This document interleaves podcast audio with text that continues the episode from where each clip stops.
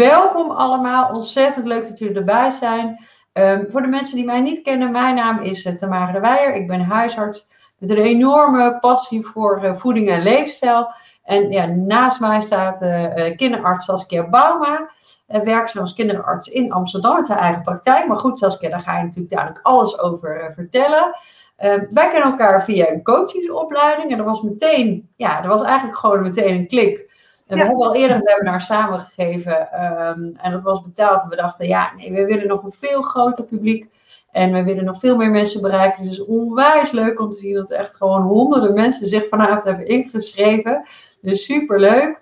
Uh, ja, ik moest zelf even uit mijn comfortzone. Zoals je waarschijnlijk ziet, ik heb een koortswip. En echt, ik ben een klein beetje ijdel. Dus de kappers zijn al maanden dicht. Ik heb een koortswip. Dus ik dacht, zal ik hem afzeggen? Maar ik denk, nee, dat ga ik natuurlijk gewoon niet doen. En zoals zo heel lief zei mijn jongste dochter vanavond aan de keukentafel. Ze zegt, mama, het gaat om de binnenkant. Nou, dat vond ik echt zo schattig. Ze is zeven. En ik dacht, ja, het gaat ook om de inhoud. Dus eh, niet om hoe het er allemaal uitziet. Dus dit is maar gewoon eventjes uh, wat het is. Ja, ook de dokter kan ziek worden. Gelukkig geen corona. Uh, maar uh, ja, die koortsvraag is maar eventjes gewoon wat het is. Het gaat natuurlijk ja, om jou vanavond, Saskia. Mhm. Ontzettend leuk dat je hier voor de tweede keer bij, bij mij bent. nou, we hebben een heel mooie presentatie voorbereid. maar voordat we gaan starten, even wat huishoudelijke mededelingen.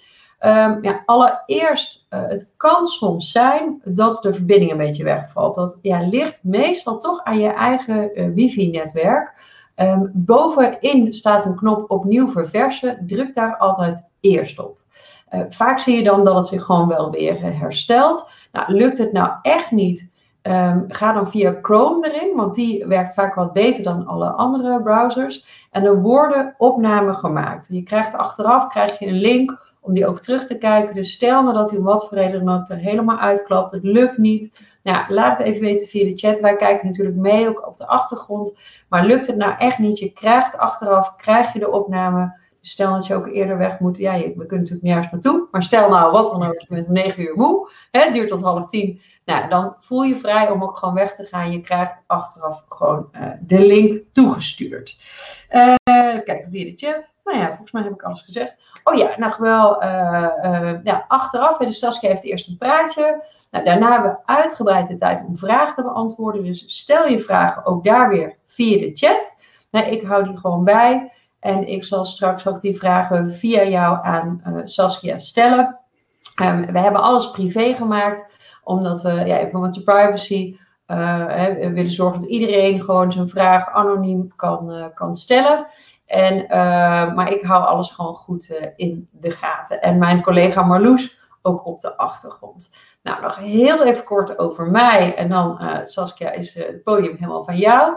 Nou, zoals ik al zei, Tamara de Weijer, ik ben huisarts met een enorme passie voor voeding en leefstijl. Nu zes jaar huisarts. En al tien jaar bezig met voeding en leefstijl. En gemerkt dat dat mijn vak ontzettend veel leuker maakt. Nou, ik hoop dat je me al volgt via de social media kanalen, dus Instagram, Facebook, YouTube. Maar zo niet, of LinkedIn, dat mag ook altijd. Zo niet, doe dat vooral via uh, Dr. Tamara op Facebook, Instagram of YouTube.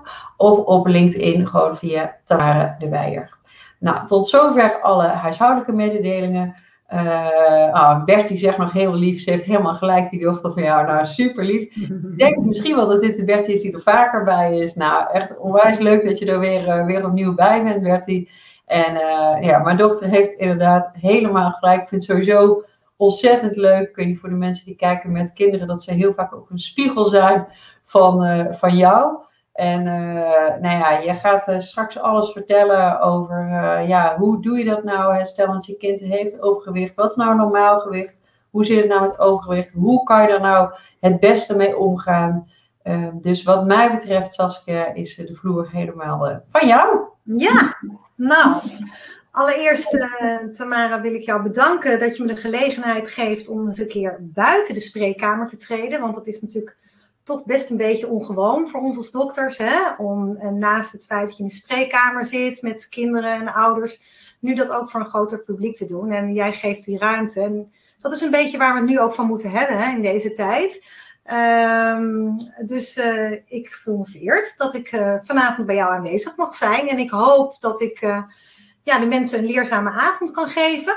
Um, voor mij is het ook geen probleem als er tussendoor vragen zijn, Tamara. En je ziet dat op de chat. onderbreek me gerust.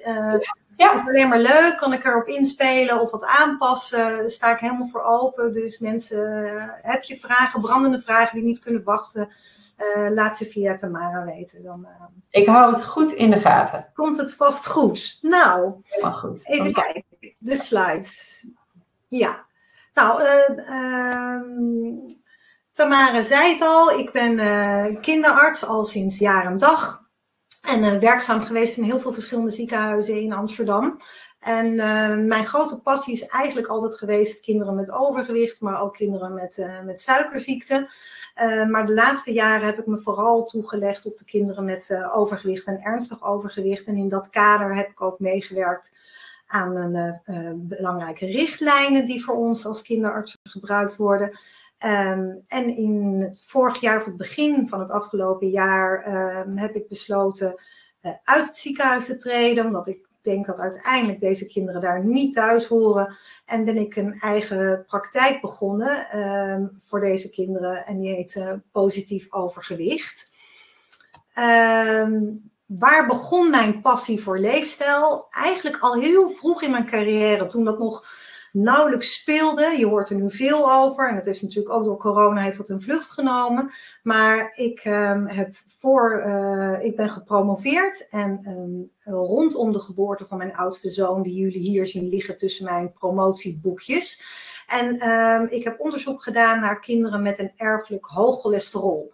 En eigenlijk was er in toenertijd nog niet zoveel mogelijk om deze kinderen een goede behandeling te geven behalve leefstijl. Dus toen hadden we het eigenlijk al over dat gezonde voeding heel erg belangrijk was. En ik herinner me nog heel goed wat vertelde tegen de kinderen. Jij hoeft niet op dieet, uh, maar uh, de hele wereld moet eigenlijk op dieet. Uh, en zo is het nu denk ik ook. Ehm, ik wil beginnen met jullie. Ik heb al meteen een onderbreking, Saskia. Ja. Ik ging de meiden net even nog een laatste kus geven. Ze zeiden, ja, wij willen eigenlijk ook even bij de mensen. Nee, dat vroeg jij. Ja, of Ja. dat wilden. En dat Ja. wilden ze heel graag. Dus ze wilden Nou, helemaal goed toch? alleen even, Ja. gewoon even zwaaien. Zo, Ja. nu ben je helemaal goed te zien. Dus ze zien het zelf natuurlijk over. Ja, dit zijn mijn allesjes, mijn lieverds. Mijn lieve dochters van 7 en 9. Hè? Hallo. Ja. Hi. Dus die wilde alleen. Oh, doe je zo lelijk alsof ik een pony had. alsof je een pony had. Ja, prachtig. Hoi, zegt Suzanne. Leuke meiden. Hallo, zegt Ellen. Nou, ja, je ziet dat hier. Kijk, iedereen zegt even hallo. Wat schattig. Dag dames, zegt Jolanda. Dat is leuk. Kijk, dus zo praten ze dan met mama. Dat is grappig, hè? Nou, heel veel goedjes zegt Bertie voor je dochters. Nou, meiden, nu is het echt klaar. En nu gaan we echt lekker slapen. Oké? Zo. Doei. Vlieg weg. Dag. Oké, we, we gaan weer door met, ehm, met deze meiden. Dit zijn twee meiden die ik ken uit de, uit de praktijk. ehm, met toestemming eh, eh, van ouders en de kinderen zelf. Ehm, deel ik met jullie deze linkerdame, een meisje van, eh, van eh, vier jaar. Ehm, wiens moeder eigenlijk altijd al bij het consultatiebureau te horen kreeg van ze is zo zwaar en ze eet waarschijnlijk te veel en wat is er toch aan de hand? En ja, er waren veel, eh, veel opmerkingen steeds bij de controles. En aan de rechterkant is eh, Farida. En Farida is een meisje van 14, die weet wat ze wil, heeft goede plannen voor de toekomst. Maar thuis heeft ze het niet al te makkelijk, moet eh, eigenlijk vaak voor de eigen eten zorgen. Ehm, en dit zijn gewoon twee meiden die, die ik gewoon op een, op een doordeweekse dag eh, ontmoet. Ehm, en ik was eigenlijk ehm, even nieuwsgierig naar, als jullie naar deze meiden kijken, wat je dan vindt en wat je dan denkt. En ik weet niet of Tamara nog in de house is, maar volgens mij is die de meiden naar bed te brengen. Nee, nee, ik ben er. Ik ben er. Nee, ben je er? Oké. Ja, dus ik was eigenlijk even nieuwsgierig uh, voor degenen die kijken van wat zijn nou een beetje de eerste dingen die in je opkomen. Gewoon als je naar deze kinderen kijkt. Wat denk je ervan? Dus zet je antwoord gerust in de chat. Dus wat komt er in je op als je deze dames zo ziet? Meisjes, dames.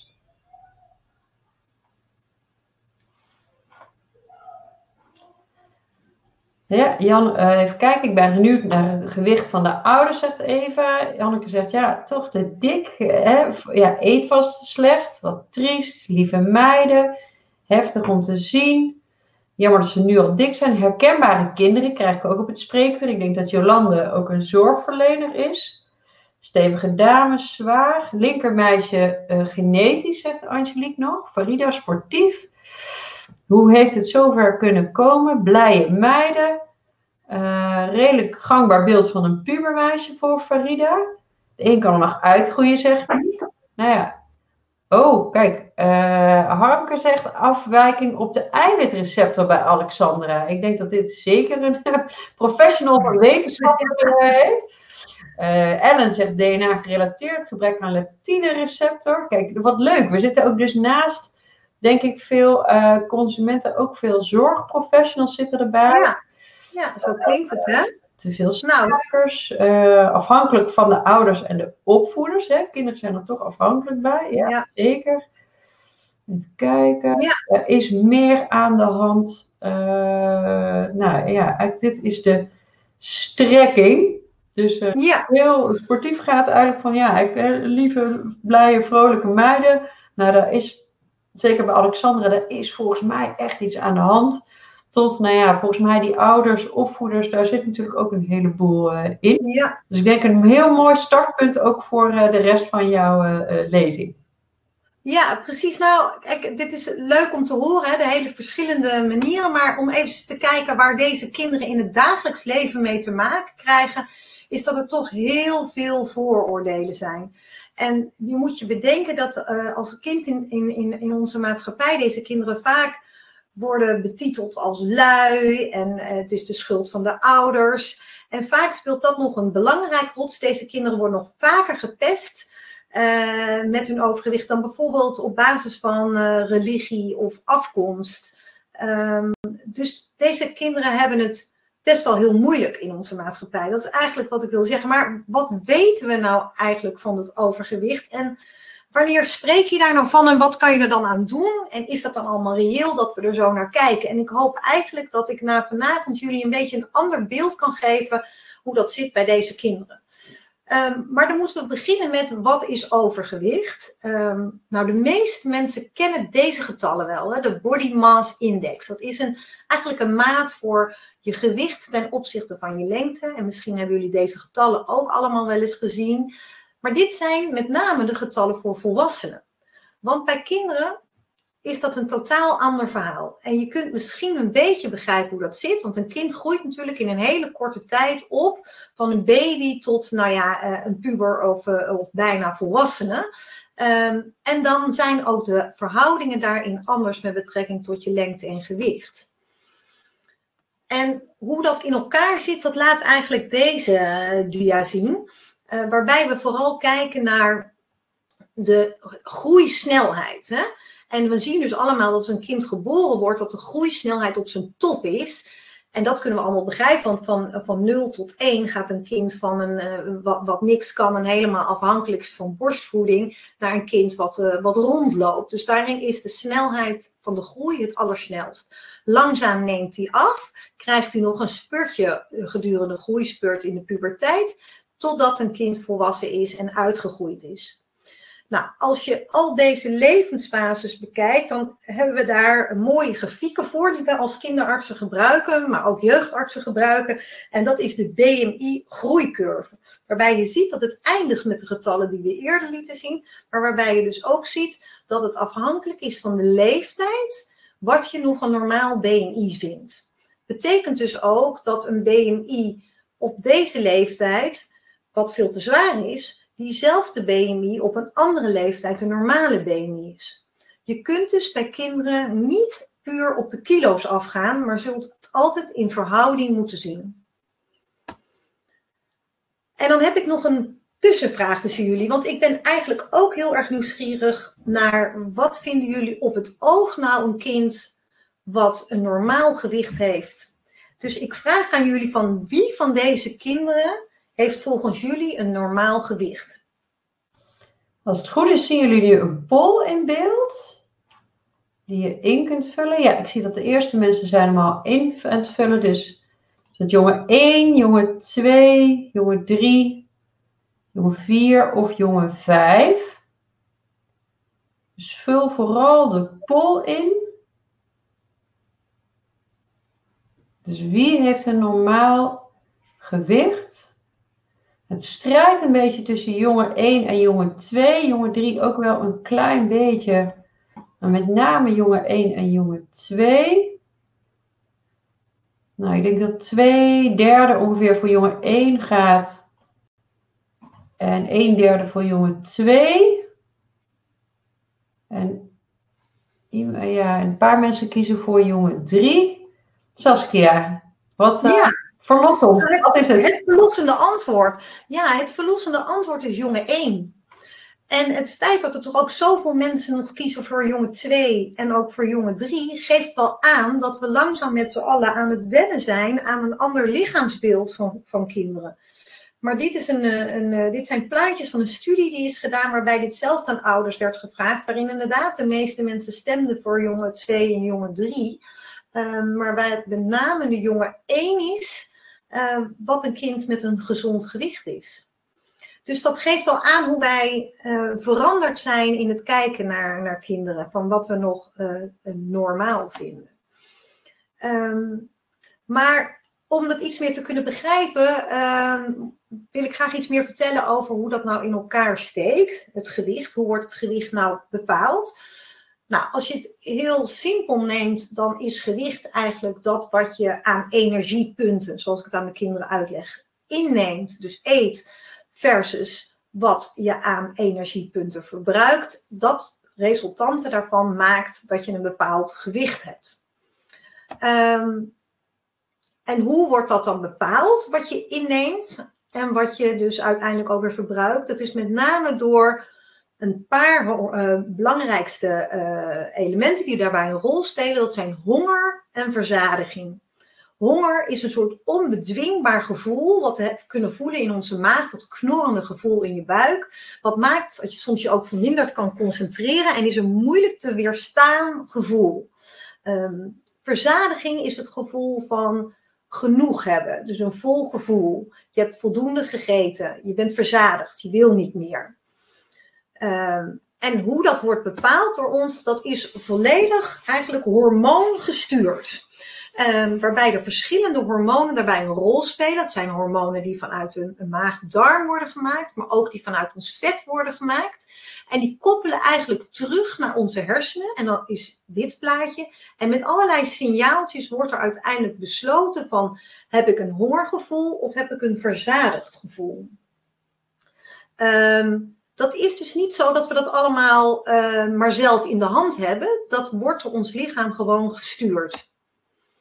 Um, en als we dan bijvoorbeeld kijken naar hoe zit dat dan bij, uh, bij kinderen, heb ik hier even een aantal leeftijden op een rijtje gezet. Want de behoefte van uh, het aantal kilocalorieën, dat zijn natuurlijk de energiepunten, die een kind kan eten om die balans in stand te houden. Waarbij je dus de verbranding en je voeding um, uh, een kind hetzelfde gewicht blijft uh, behouden.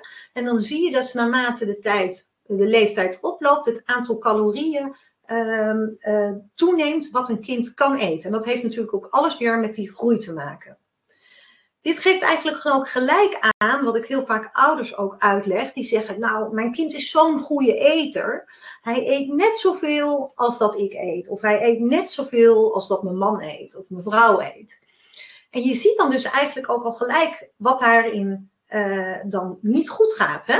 Want je ziet dat een jong kind uh, bijna de helft maar nodig heeft van wat een 18-jarige of een volwassene nodig heeft.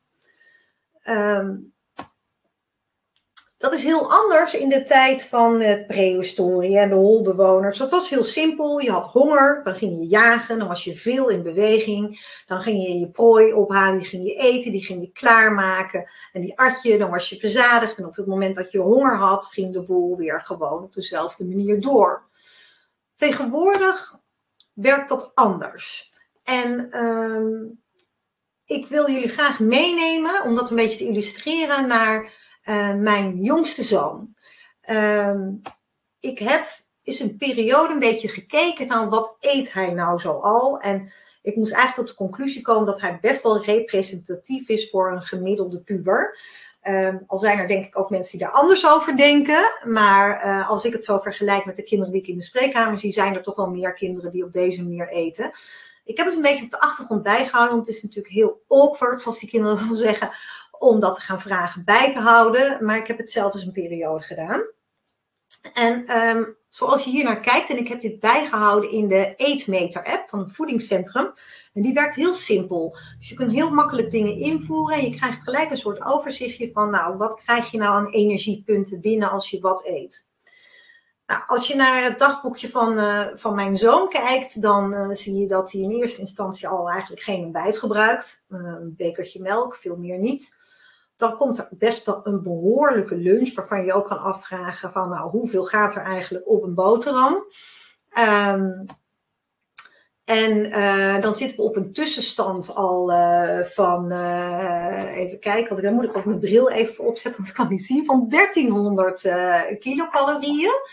En um, als je dan verder kijkt van wat eet hij dan s'avonds, dan valt het eigenlijk wel mee, hè, wat hij s'avonds eet. Niet zo heel erg veel. Je denkt, goh, moet zo'n grote kerel niet wat meer avond eten?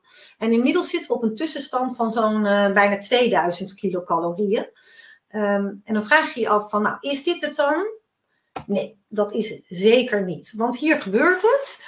Um, er komen nog heel wat kilocalorieën bij aan, uh, aan tussendoortjes die gesnackt worden uh, nou, op school, uh, bij de Albert Heijn, nou, waar dan ook. En als je dat dan dus bekijkt en vergelijkt met het aantal kilocalorieën wat normaal gesproken voor zijn leeftijd gezond is, dan zie je dat hij al een een calorieoverschot heeft van 357 per dag. En dat is nog maar één dag. Stel je maakt allemaal van dit soort dagen in een jaar, dan zijn dat 130.000 energiepunten per jaar die je te veel zou gebruiken. En dat is natuurlijk echt een gigantisch aantal. Uh, nou is dit toevallig een jongen die heel erg veel sport. En uh, denk ook gemiddeld wat meer ge, uh, verbrandt dan een, een, een, een, gemiddeld kind, waardoor het hem toch lukt om zijn gewend, uh, gewicht goed in de gaten te houden. Plus dat hij natuurlijk ook niet altijd de kans krijgt om dit allemaal naar binnen te werken. Um, Mag ik maar, door even ja. twee vragen stellen, Saskia? Want er komen twee ja. vragen binnen. Ja. Um, ik heb een vraag van uh, Doreen. En Doreen vroeg nog van de Body Mass Index. Hè? Dus nog even die ja. wat daarvoor. De Body Mass Index zijn de waarden voor jonge kinderen bijna gelijk aan volwassen waarden. Of lees ik het verkeerd? Uh, toen zei ze, jonge kinderen hebben een, een andere lichaamsverhouding. Speelt dat dan niet mee? Ja, dat is eigenlijk wat ik probeerde aan te geven. Hè? Dat, we, dat we de BMI voor die kinderen echt in die curve zetten. Dus ik zal hem even terughalen. Um, even kijken. Ja, het gaat niet heel snel. Voor kinderen is het dus belangrijk dat je naar die groeicurve kijkt. Ik weet niet of jij dit sneller kan, Tamara. Maar... Uh, nee. Kijk, dit is die groeicurve. En je, je rekent dus de BMI uit. Dat reken je op precies dezelfde manier uit als dat bij, uh, bij volwassenen doet. Alleen de waardes die je vindt, die moet je anders interpreteren. Hè? Dus als je hier bijvoorbeeld een kind hebt uh, van 12 en die heeft een BMI van 19, dan zit hij hier precies op de grens van overgewicht. Hè? Maar als dat kind een jaar ouder is en hij heeft nog steeds dezelfde BMI, dan vinden we het een normaal gewicht. Ja, dus die zo, moet je, zo moet je die, die curve interpreteren. Ja. Ik hoop dat het zo, zo uh, duidelijk is. Ja. Gaan we snel weer even door. Nog, zijn er nog meer vragen? Ja, nog eentje van Forgieten. Uh, ze zegt, uh, ze, ik, ik ga ervan uit dat Forgieten, ik denk dat het een ze is, maar ik heb die naam nog nooit gehoord. Prachtig. Nee, ja. uh, maar is het juist niet zo dat het gevoel van honger en verzadiging bij kinderen met overgewicht verstoord is, omdat de verzadigingshormonen bij overgewicht ook verstoord raken? Dus die hele balans hè, van honger en verzadigingshormonen, is dat nog intact bij kinderen met overgewicht of kan dat ook helemaal verstoord raken? Nou, ik kom daar zo meteen later ook nog op terug. Maar het is zeker zo dat er ook een stuk gewenning zit hè, aan, wat je, aan wat je eet. Ehm, ehm, dus daar zitten zeker wel ehm, verstoringen in, maar niks is blijvend bij kinderen, wat dat betreft. Nee. Maar er zijn ook kinderen waarbij dat anders is, maar daar kom ik later op terug. Ja, ik mag, ja, dit is het gevaar natuurlijk dat je zegt, nou, als er vragen tussendoor zijn, zijn Ja, ja prima, maar eh, Eh, even kijken, He- Helen zegt nog, waarom zijn de hoeveelheden calorieën zo hoog voor tieners? Het is meer dan voor volwassenen. Ik, ik denk omdat ze aan het groeien zijn. Maar, eh, zeker. Ja, die kinderen gaan in de groeispurt, hè? Die, die groeien, dus die snelle groeisnelheid gaat heel erg omhoog. Ja. En ze groeien zowel in de lengte als in, in spiermassa. Ja, en dat, dat moet ergens vandaan komen. Dus dan is er wel een grotere calorische behoefte. Ja. En ehm, dat zijn vaak die kinderen van ouders ook zeggen, nou, ze eten mijn koelkast helemaal leeg. ja, ja, En, en, en om te pas en te onpas wordt gegeten. En dan heb, heb je s'avonds gegeten. En dan wordt er s'avonds weer opnieuw gegeten. En de hoeveelheden zijn groot. Ehm, dat heet puberteit. Dat en dan liggen ze zo oh, op de banken. Ja, ja, precies. Ja, maar al die energie natuurlijk in het groeien zetten. Ja, er gaat heel veel energie in die groei zitten, in die lengtegroei zitten. Maar ook in spiermassa. Oké, even kijken. nou zegt eh, Talita nog een tip voor ouders die de BMI willen berekenen. Beoordelen op de website van het voedingscentrum. Vind je ook een BMI-calculator voor tabel, ook voor kinderen. Dus voor jongens en meisjes. Dus dat is denk ik wel echt een goede. Ja, en op mijn website heb ik hem ook gezet. Oké, oh, perfect, perfect. En dan positief overgewicht. www.positiefovergewicht.nl Ja, daar kan je hem ook vinden. Ja, Perfect. Hey, Wesley vraagt nog, is het ontbijt echt het belangrijkste? Zo ja, wanneer na het opstaan is het het best om te eten? En dan vraag ik me af, Wesley, is die vraag alleen voor kinderen of eigenlijk ook voor iedereen? Er is natuurlijk heel veel over gedoe. Aanvankelijk werd gezegd, ja, het ontbijt is echt het belangrijkste. Maar er zijn natuurlijk heel veel mensen ook nu aan het intermitterend vasten. Hè, dus die slaan het ontbijt dan over. Ehm, wat is jouw... eh, eh, ja, ja, nou, bij, kinderen, ja, bij volwassenen is daar veel over te doen. Hè? Allerlei soorten eetvormen. Maar bij kinderen hebben we daar eigenlijk helemaal geen onderzoek naar gedaan. Daar Ja. hebben we gewoon geen gegevens over. En dat betekent eigenlijk ook dat we ook in die laatste richtlijnen gewoon aangeven: kinderen hebben tenminste drie hoofdmaaltijden per dag nodig. En een gezonde tussendoortje. Ja. Ehm, dus dat blijft voor kinderen nog steeds overeind. Het is misschien nog heel ouderwets, maar in principe adviseer ik nog steeds kinderen wel gewoon hun ontbijt te nemen. Oké. En eh, Sharon of Sharon vraagt: eh, Mag ik ervan uitgaan dat ze bij het consultatiebureau naar deze curve kijken? Mijn zoon heeft altijd boven de bovenlijn gezeten. En met zijn vierde jaars eh, afspraak kreeg ik een flinke waarschuwing mee. En je ziet natuurlijk wel eens van die Ja. kinderen, hè, die zijn wel, die zitten boven de lijn of onder de lijn, maar die volgen wel hun eigen lijn. Hoe, hoe kan je daar het beste mee omgaan? Nou ja, het is zo dat het consultatiebureau is in principe degene die Nederland voor ons in de gaten houdt of je binnen de bandbreedte blijft groeien. En zolang je binnen de bandbreedte blijft groeien, dus als je maar voldoet aan een beetje de norm, een beetje de boven, een beetje de beneden, dan zijn de jeugdartsen in principe eh, tevreden. Op het moment dat je daar buiten groeit, dan gaan ze signaleren. Hè? Dan zeggen ze, wacht even. Dit is een beetje een andere groei dan dat we eigenlijk zouden willen en wat ook gezond is op de langere termijn. Dus als je een serieuze waarschuwing hebt gehad, dan hoop ik ook dat ze je handvaten hebben gegeven hoe je daar vervolgens mee om kan gaan. Want hè, je, kan wel, je kan natuurlijk roepen van dat iets niet goed is, maar hoe kan je het dan anders doen? Dat is natuurlijk veel interessanter. Ja, ik zit nog een laatste, nog een laatste en dan laat ik jou even aan jouw verhaal. Eh, jo zegt nog, ja, verzadiging. Moet je je kind van bijna twee jaar helpen met het eten of zelf laten eten? Ik zou namelijk, ik zou namelijk over haar verzadigingsgrenzen heen kunnen gaan. Dus een kind van bijna twee jaar, ja, moet je die nou helpen? Moet je die nou zelf laten eten? Wat is je advies daarbij? Ja, nou, ik vind dat eigenlijk een hele goede vraag. Want het is natuurlijk waar. Als je als, als, je als moeder als twee, tegen een tweejarige zegt: je moet dit en je moet dat eten. Ehm, eh, uiteindelijk wil je een kind dat zoveel mogelijk zelf laten reguleren. En dat, dat kan ook goed. Maar je moet het wel als ouder het juiste aanbieden. Want daarvan zijn ze afhankelijk van jou als ouder. Ja. En eh, ook op het voedingscentrum vind je allerlei richtlijnen over wat is gezonde eh, voeding voor welke leeftijd. Ehm, maar vooral kinderen zelf laten ontdekken en veel verschillende voeding aanbieden, is daarin heel belangrijk. Duidelijk. Ik eh, zie nog wat vragen binnenkomen, ik laat je nu weer even aan je verhaal en ik cluster ze voor zometeen. Ja, helemaal goed. Ja, want we waren eigenlijk bij ehm, een heel nieuw ander beginsel. We hebben het gehad over honger en verzadiging. Maar we hebben in, hier in ons land eigenlijk nog met veel meer dingen te maken die maken dat we eten. Dus niet alleen omdat we honger hebben of we stoppen met eten omdat we verzadigd zijn. Maar er zijn heel veel andere redenen bijgekomen in de ontwikkeling van de mensheid die maken dat we willen gaan eten. En dat is namelijk dat als we eten zien, uit eten ruiken, proeven of aan, soms aan eten denken, maar ook hele sociale eh, factoren, bijvoorbeeld hoe we omgaan met eten op verjaardagen, maar ook stress speelt daarbij een rol. Die hebben allemaal invloed op ons eetgedrag. En ook dat is weer hormonaal gestuurd en heb je dus niet direct heel veel invloed op.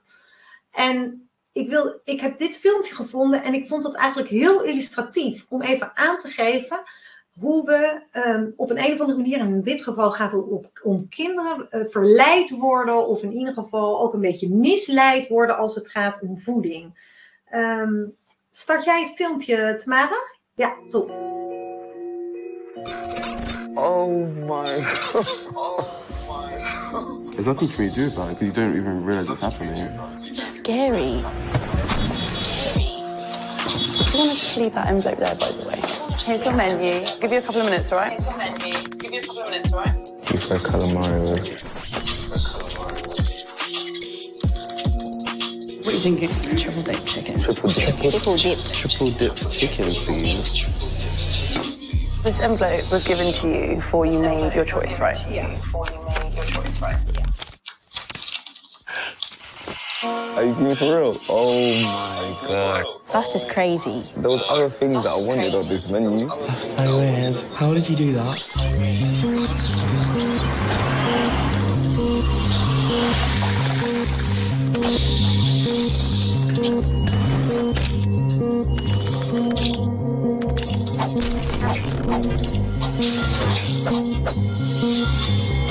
I just want to know how.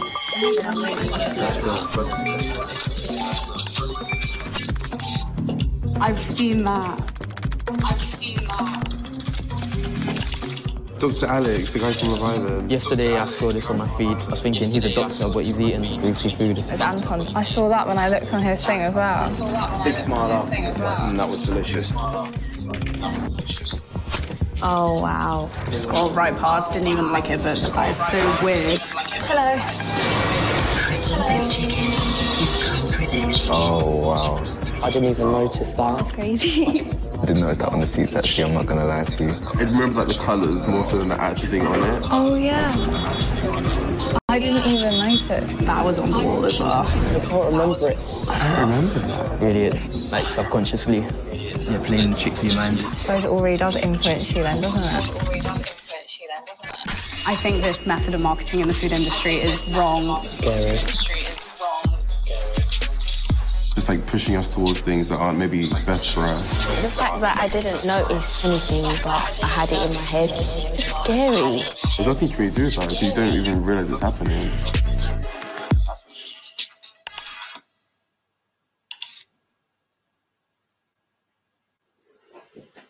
Yeah.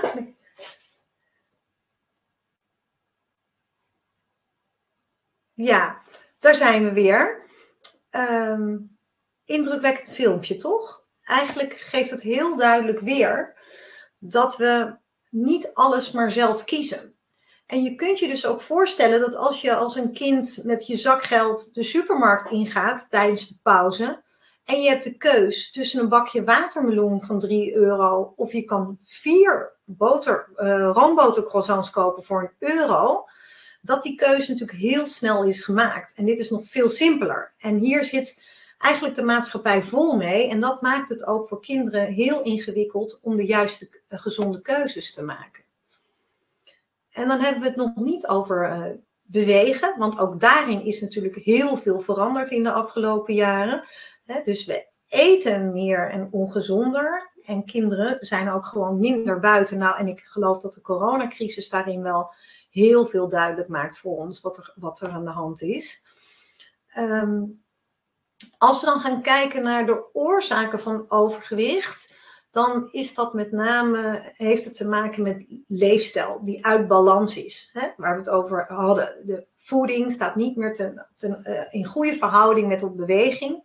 Daarnaast is slaap nog een belangrijke. Een kind wat weinig slaapt, heeft een lichaam dat onder stress staat. En stress maakt stresshormonen aan. En stresshormonen maken vooral dat je zin hebt om te eten. En dan vaak niet die lekkere salade, maar vaak de calorierijke tussendoortjes worden naar, daar worden naar gegrepen. Zelf, als ik nachtdienst heb gehad, merk ik dat heel sterk.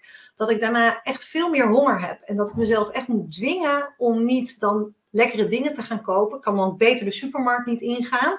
Maar echt bewust moet zijn dat ik dan gezondere dingen moet pakken. Dus zo werkt dat met slaap. En hetzelfde is dus belangrijk dat je ook voldoende ontspanning hebt. En dat geldt dus ook voor kinderen. Er zijn een aantal kinderen die door hormonale ziektes uh, uh, overgewicht krijgen. En een van de belangrijkste is daarin uh, de traag werkende schildklier. Um, um, en dan hebben we nog het genetische stuk. Vaak zeggen ouders, ja, het zit bij mij in de familie. En dan is er natuurlijk een beetje een verschil van, is het in de familie in de zin van familiegewoontes? Hè? Want heel veel gewoontes worden meegenomen en overgedragen van familie op familie of van gezin op gezin, generatie op generatie. Kijk maar bijvoorbeeld een Bourgondische ezel. Ja, wij zijn Bourgondiërs, wordt dan ouders zeggen. Dat zijn ze gewend. Zijn gewend dat er veel voeding is op leukmomenten, dat er veel gevierd wordt rondom voeding. Dat is weliswaar genetisch of in de familie, maar dat zijn meer familiegewoontes die mensen meenemen.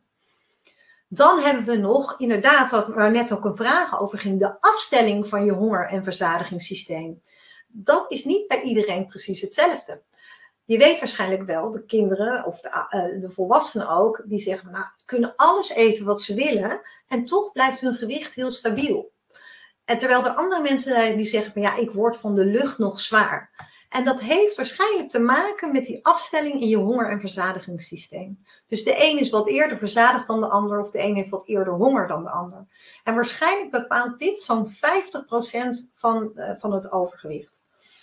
Um, dat is alleen niet afwijkend, zoals we dat dan noemen. Het is gewoon een natuurlijke variatie. Maar die natuurlijke variatie maakt het in een maatschappij waarin wij nu leven heel ingewikkeld.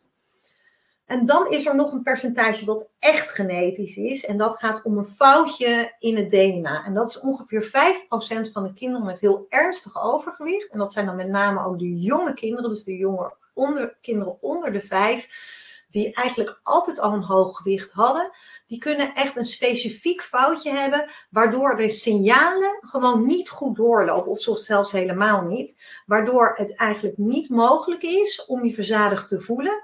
En vaak zijn dat ook nog kinderen bij wie de verbranding, dus wat je normaal gesproken verbrandt om te kunnen uh, leven, gewoon in leven te zijn, staat vaak ook op een heel laag pitje.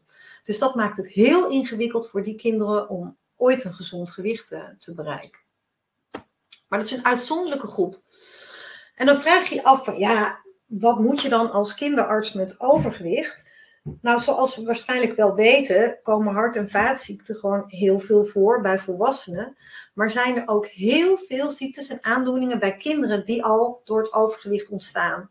Dus het overgewicht als oorzaak van allerlei andere problemen.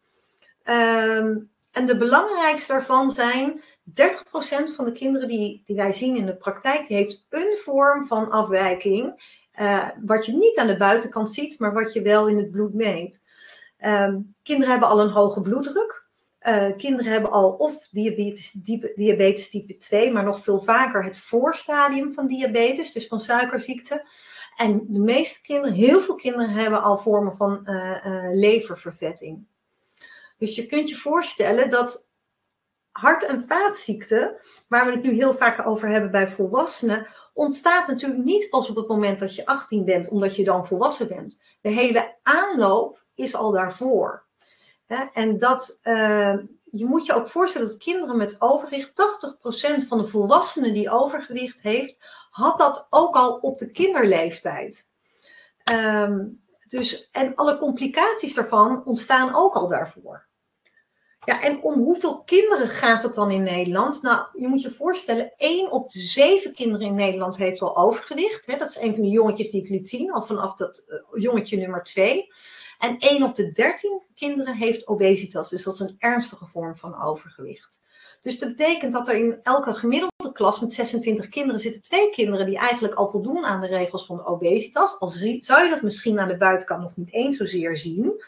En, um, en, en, en, vier kinderen heeft overgewicht. Dus dat is best wel veel.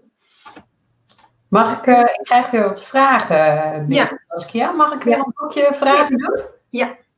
Even kijken. Ik, uh, Michaela, ze zegt, onze zoon van 10 jaar zegt dat hij niet altijd honger heeft s ochtends. En met pijn en moeite krijgt hij soms een stukje fruit en of een krentenbol. Hoe kan ik hiermee omgaan? Moet je dan tegen heug en meug toch maar dat ontbijt erin proppen? Of denken, nou ja, hij is blijkbaar niet zo'n ochtendeter, dus misschien komt het straks wel weer goed. Ja, het is denk ik ook belangrijk om te kijken wat wordt er dan de rest van de dag gegeten. Soms verschuift dat ook heel erg. En als je bijvoorbeeld tot s'avonds later nog eet of je eet hele grote porties in de avond, dan kan het zijn dat je de volgende ochtend nog niet zo'n trek hebt. Dus het is belangrijk om te kijken van hoe zit het met de verdeling van de voeding over de dag. En, um, ja, en daarnaast is eigenlijk alles wat je al een beetje eet om het verbrandingssysteem aan te zetten, is al, is al, uh, is al winst, denk ik. En daarin proppen, dat lijkt me sowieso nooit een goed idee. Heel goed. Helder. Nou, er werd veel gevraagd naar de link van het filmpje. Die heeft uh, Marloes in de uh, chat gezet. Dus als mensen nog terug kunnen, ja. dan kijk hem vooral terug. Eva zegt nog zo fantastisch dit filmpje. Mijn man kwam vanavond thuis en vroeg wat we aten. Ik had nog geen keuze gemaakt. Mooi, zei hij, want hij had op de radio gehoord over een biefstuk, dus wilde dat eten. Ja, ja. dat bij, ja. ook gewoon bij volwassenen. Ja. Uh, Frans Waas heeft nog een goede vraag. Ze zegt, wat is de rol van het microbiome, dus je darmbewoners, bij overgewicht? Is daar wat over bekend? Ik weet wel wat bij, bij volwassenen, maar is daar ook weer iets over bekend bij, uh, bij kinderen? Nou, eigenlijk nog onvoldoende. Nog onvoldoende. En eigenlijk is dat ook een beetje mijn. Er, er is gewoon als het gaat om overgewicht en kinderen. lopen we toch nog een beetje achter de feiten aan. En dat is ook een van mijn grootste frustraties. Is dat we natuurlijk heel erg al leefstijlgericht zijn voor volwassenen. Hè? En, en dat we al heel veel weten over hoe dat zit bij volwassenen. Maar bij kinderen eigenlijk nog niet zo heel erg veel. En uh, heel lang is de focus geweest met name op nou, ziekte, hè? dus diabetes type 2, hart-vaatziekte, daar werd hard op ingezet. Uh, terwijl het natuurlijk eigenlijk de laatste jaren, en eigenlijk sinds de coronacrisis nog wat meer, we steeds meer toegaan van nou, hoe gaan we nou voorkomen dat ziekten ontstaan. En dat betekent dat de focus al veel meer zou liggen, moeten liggen op kinderen.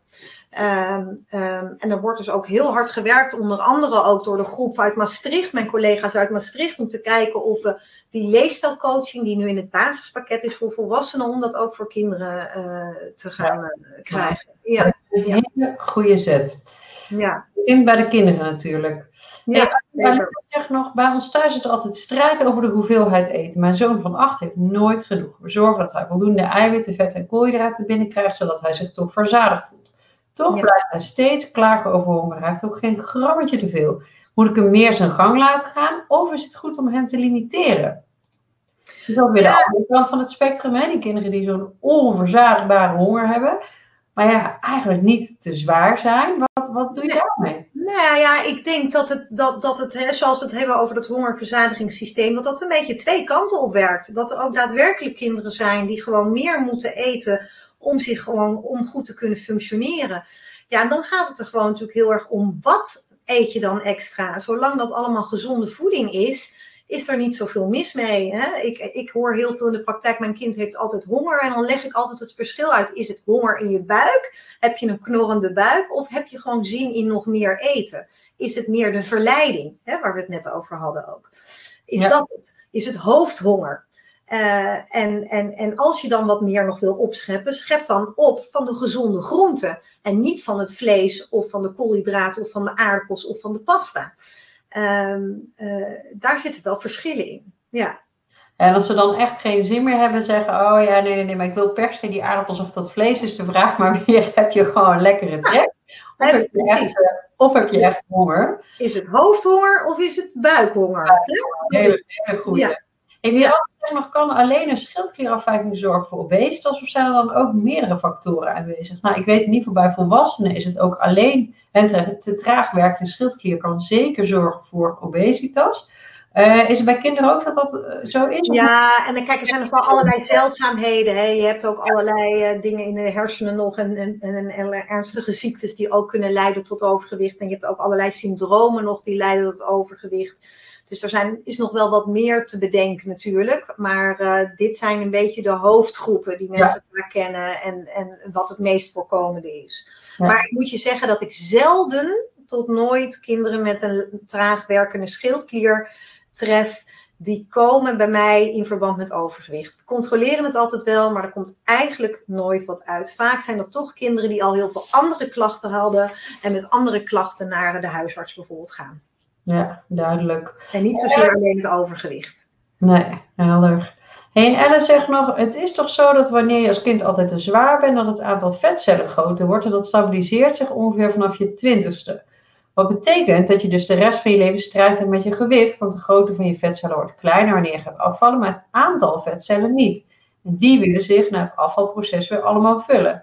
Nou, ook dat weet ik vanuit Lisbeth van Rossum, dat ja. in ieder geval, hè, als je eenmaal zwaar bent geweest, dan willen die vetcellen toch inderdaad zich altijd, willen daar altijd naartoe terug. Dus resetten naar setting, setpoint, hè, terug. Ja, ik merk ja. het zelf ook hoor, want ik ben ja. voor ook wel echt behoorlijk zwaar geweest. En je merkt toch, ja, het kost me altijd wel een beetje moeite om op gewicht uh, te blijven. Is dat bij kinderen dus ook zo, hè? Dus dat die vetcellen zich vermeerderen, dat die altijd weer terug willen eigenlijk naar hun natuurlijke ja, Nou ja, kijk, het is gewoon dus belangrijk dat we dus bij die kinderen al beginnen. Hè? Dus dat je bij de basis al begint en dat je voorkomt dat het, zo, dat het, dat het zover kan komen.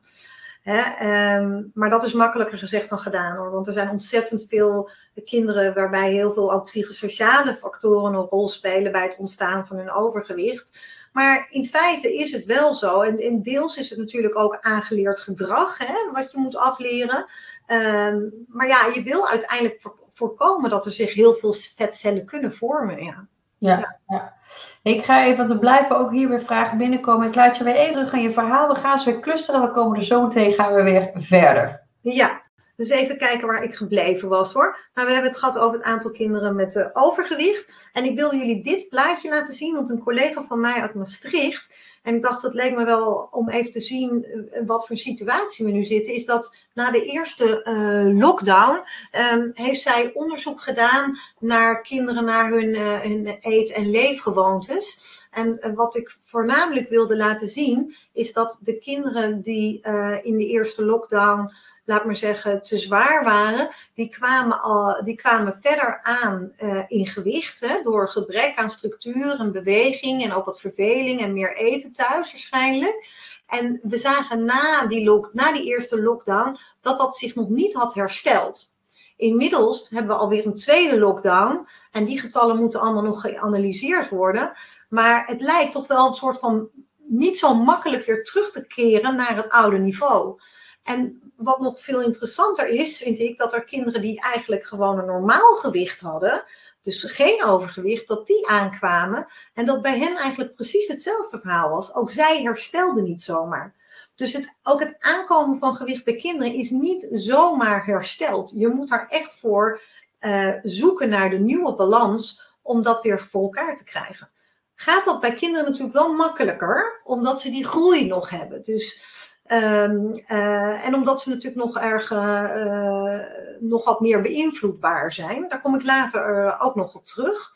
Maar goed, dit zijn wel een beetje de getallen van de situatie waar we ons nu in bevinden. Um, nou ja, leefstijl heb ik dus benoemd, hè, hoe belangrijk dat is. Eten volgens de schijf van vijf, volgens het voedingscentrum, op tijd tot ontspanning, goed slapen en bewegen. Nou, ik vond bewegen eigenlijk nog wel een interessante, want ik krijg heel vaak in de spreekkamer ook te horen van, oh, maar mijn kind is zo bewegelijk. Nee, en ja, moet ik nou nog meer bewegen? En waar moet die beweging dan vandaan komen? Want ja, ik begrijp het niet dat mijn kind te zwaar is, want ze beweegt zoveel. Nou, laten we eens kijken, wat is een normaal beweegpatroon voor kinderen? We verwachten in principe dat kinderen één uur per dag matig intensief bewegen. Dus dat is één uur per dag Spelen op het schoolplein, spelen met vriendjes buiten, touwtjes springen, uh, verstoppertje spelen, een beetje voetbal op het veldje. Uh, dat is matig intensief. En daarnaast vinden we eigenlijk dat een kind drie uur per week echt in, zich moet inspannen. En dat betekent dan ook spierversterkende activiteiten. Dus een, een, een, stevige voetbaltraining of een stevige judoles. En dat dan drie keer per week. En wat weten we? Dat eigenlijk vrijwel geen kinderen halen deze beweegnorm. Maar dit zou wel de beweegnorm moeten zijn om de calorische intake, dus de energiepunten die we hebben, om dat allemaal in balans te houden. Uh, en je begrijpt dat juist nu in die coronacrisis deze getallen absoluut niet worden gehaald door kinderen. Um, en om dat bewegen nog eens even in perspectief te zetten. Um, dit is het beruchte frikandelbroodje. Um, wat ik heel vaak hoor langskomen, want dat vinden kinderen echt niet te versmaden zo lekker. Dat wordt veelvuldig uh, gekocht bij de supermarkt. En volgens mij heeft de Albert Heijn die ook relatief, uh, best wel vaak in de aanbieding. Um, nou, ik heb eens even gekeken, maar dat is van ongeveer 360 kilocalorieën. En wil je dat als zo'n zo'n frikandelbroodje eraf lopen, nou dan moet je toch tenminste 30 minuten hardlopen, of 40 minuten goed voetballen, of 60 minuten wandelen. En dat is dus eigenlijk nog bovenop wat je eigenlijk normaal gesproken aan beweging zou moeten doen. Dus ja, weinig kinderen, uh, hier valt dus eigenlijk niet tegen op te bewegen, tegen dit soort voedingsmiddelen. Um, komen we nu een beetje aan bij, ja, wat kan je er dan aan doen? Hè? Nou, het zal jullie niet verbazen dat het nogal een verschil maakt of je moeder bent van dit kleine meisje of dat je de moeder bent van deze uh, puberzoon. Dat vraagt een andere aanpak uh, van ouders en ook andere uitdagingen. Um, ik heb er hier kort een aantal op een, op een rij gezet en dat strekt natuurlijk veel verder dan alleen dit, maar dit zijn een beetje de dingen die, die, die, die je als eerste kan benoemen. Eigenlijk is het op de babyleeftijd probeer je echt aan de voedingsrichtlijnen van het consultatiebureau te houden. Er wordt heel vaak gesproken over het consternatiebureau en allemaal. Maar vergeet niet, deze mensen weten heel erg goed wat gezonde voeding is en wat eigenlijk de norm zou zijn qua voeding en groei voor kinderen. Dus luister daarnaar en probeer dat zoveel mogelijk op te volgen. Verder weten we dat borstvoeding ook beschermend is voor kinderen voor het krijgen van overgewicht. Dus probeer dat zo lang mogelijk te doen. Um, in de peuter- en kleuterleeftijd gaat het vooral om heel veel geduld te hebben. Um, kinderen veel te laten experimenteren, geen strijd te leveren aan tafel en veel verschillende voedingsmiddelen te blijven aanbieden en te blijven experimenteren. Um, van de vorige keer weet ik wel dat Tamara zei van ja, we corrigeren kinderen heel veel als het gaat om omgangsnormen. Ik vond dat wel een goede zoals ze dat zei. Maar we, als kinderen uh, uh, uh, een keer zeggen van nee, dit wil ik niet of dat lust ik niet, dan zijn we al snel geneigd om te denken van nou, dan maar niet en dat dan af te schrijven. Waardoor een kind ook niet leert om nieuwe voedingsmiddelen te gaan eten. En wat ik vaak zie is dat kinderen dus soms ouder zijn en gewoon simpelweg nauwelijks groenten lusten.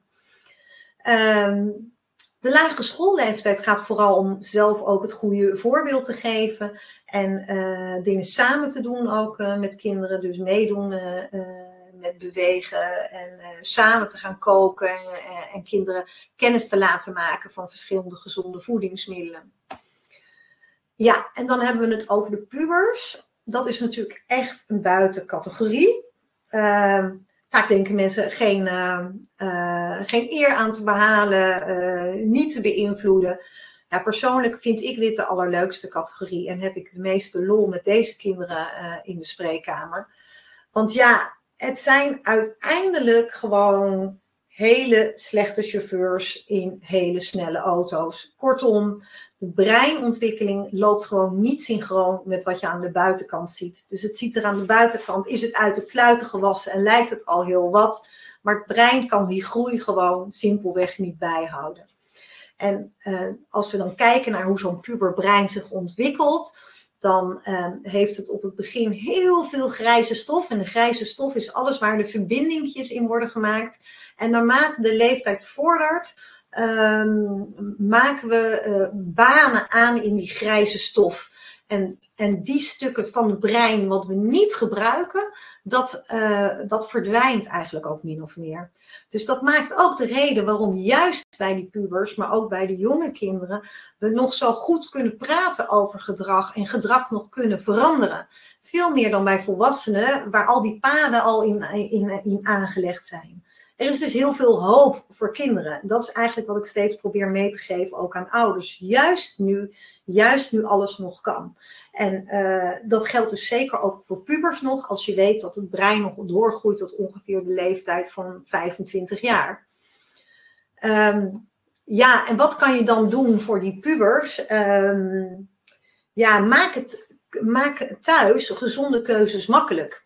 Um, je kunt je voorstellen, bij mij thuis zijn het soms echt net sprinkhanen. Je haalt eten in huis en je zet het in de koelkast en kan zomaar in twee dagen weer uh, weg zijn. En ja, dan kan je weer nieuw halen en dan is het ook weer weg. Het is een soort van onuitputtelijk.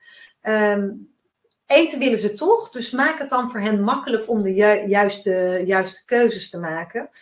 Um, nog een andere belangrijke die ik vind, wat ik heel veel tegenkom, we hebben het gehad over stigma's voor kinderen. Dat, en ik zie vaak dat kinderen in hun eigen gezin ook heel erg gestigmatiseerd worden. Absoluut onbedoeld, want je wil het als ouder niet. Maar onbedoeld worden kinderen met overgewicht toch in een apart vakje gedaan. Jij mag dat niet, de rest mag het wel, is niet goed voor jou.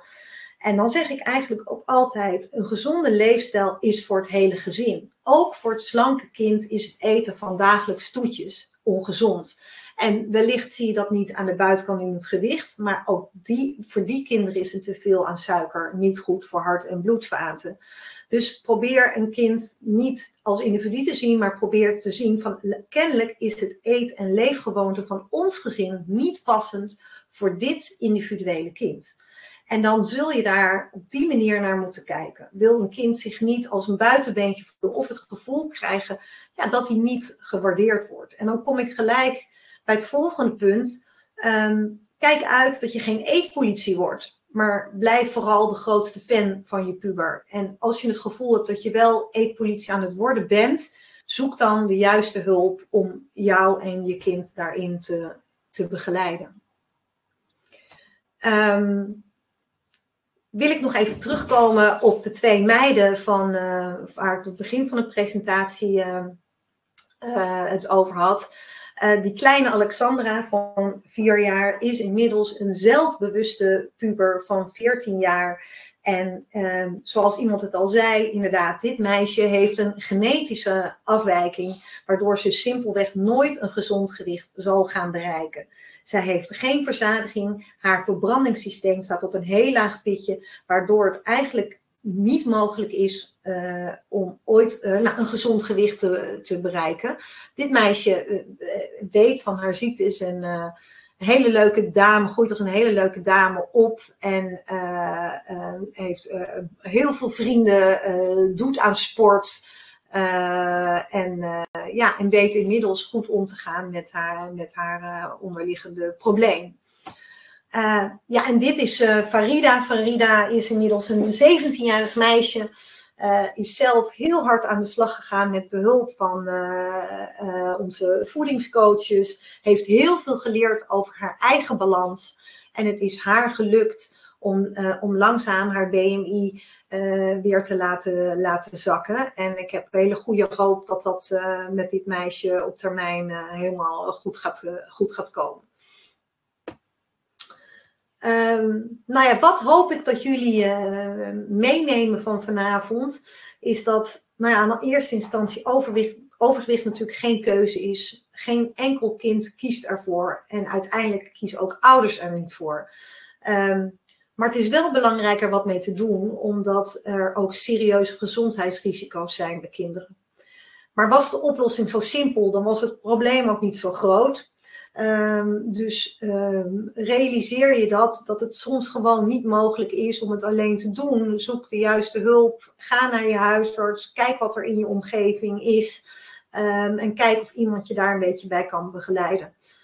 Voor de rest, ja, blijf dus de grootste fan van je kind. Stigmatiseer niet je eigen kind, maar ga ernaast staan. Ga met elkaar en als gezin bedenken wat je eraan kan doen. Ehm, eh, en realiseer je dat als je de juiste begeleiding zoekt, eigenlijk alles ook nog eh, kan eh, bij kinderen. Ehm, nou, ik had al, het begin wat al gehad over dat ik een eigen praktijk ben gestart. Maar dat doe je natuurlijk niet alleen. Ik werk samen met eh, twee diëtisten eh, eh, die mij daarin ondersteunen. Dit zijn diëtisten die opgeleid zijn tot coaches. Dus heel goed samen met de ouders kunnen kijken naar, naar wat, eh, wat, eh, wat er mogelijk is in de verschillende gezinnen. Nou, dit was een beetje wat ik wilde vertellen vanavond. Ik hoop dat jullie daar veel van hebben opgestoken. En ehm, eh, ja, ik sta open of er nog vragen zijn. Nou, er zijn heel veel vragen. Oké. We kunnen helemaal los tot half tien. Oh, Nou, bedankt weer voor jouw fantastische verhaal. Ik heb het nu natuurlijk al een aantal keer gehoord, maar het blijft. Ik hoor er elke keer weer nieuwe dingen in. Dus heel erg leuk en heel erg eh, bedankt daarvoor. Oh, nu barsten de vragen pas echt los. Dus ja, even een, een, een, een kleine disclaimer. Ik ga mijn uiterste best doen om het komende half uur zoveel mogelijk vragen te laten beantwoorden. Maar het kan zijn dus dat het niet ja, helemaal gaat, eh, gaat lukken. En als er brandende vragen zijn, dan eh, via Instagram of zo kunnen ze mij, mij ook. eh, Hoe kunnen ze jou vinden, Saskia? ja, op kinderarts, kinderarts Saskia. kinderarts Saskia. Dus Ja. stel nou dat, je dit, dat het niet lukt. Zeg maar kijk even dus op kinderarts Saskia. Eh, even kijken, dat was de bla bla bla. Die hadden we al gehad. Die hadden we het gehad. Eh, ja, Sharon eh, zegt nog, je hebt over kinderen met obesitas wat je niet altijd kan zien. Nou, dat is denk ik een beetje wat je uitlegde ook. Hè, dat ja, wat we gewend zijn, dat is een beetje veranderd inmiddels. Ja. Dus wij denken, oh, dat is eigenlijk wel een heel normaal gewicht. Maar ja, stiekem hebben ze dan toch overgewicht of obesitas. En ik weet dat ja, een van de eerste patiënten die ik naar jou doorstuurde, was een jongetje ook van acht. Ja. En die had last van zijn benen, zijn bil. En eh, ik onderzocht hem. En ik dacht, oeh, volgens mij is hij toch wel een beetje aan de zware kant. Maar ik dacht echt niet meer dan een beetje aan de zware kant. Nou, ik keek inderdaad op de site van het voedingscentrum met een baby voor kinderen.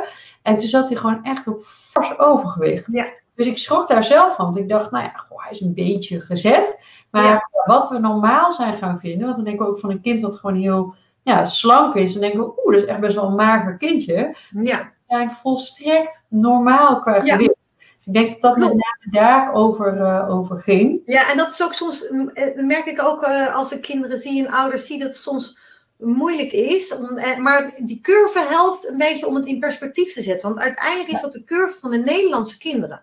Ja. Dus dan, dan zie je hoe, je hoe hoe je kind ten opzichte van de Nederlandse kinderen zich bevindt. En dat is ook die curve, of die, die eetmeter, die laat dat ook zien, die, die, die, die calculator. Ja, ja, Het perfect. zijn gewoon Nederlandse kinderen. Het zijn, dat, dat is belangrijk om, om je te realiseren. Zeker.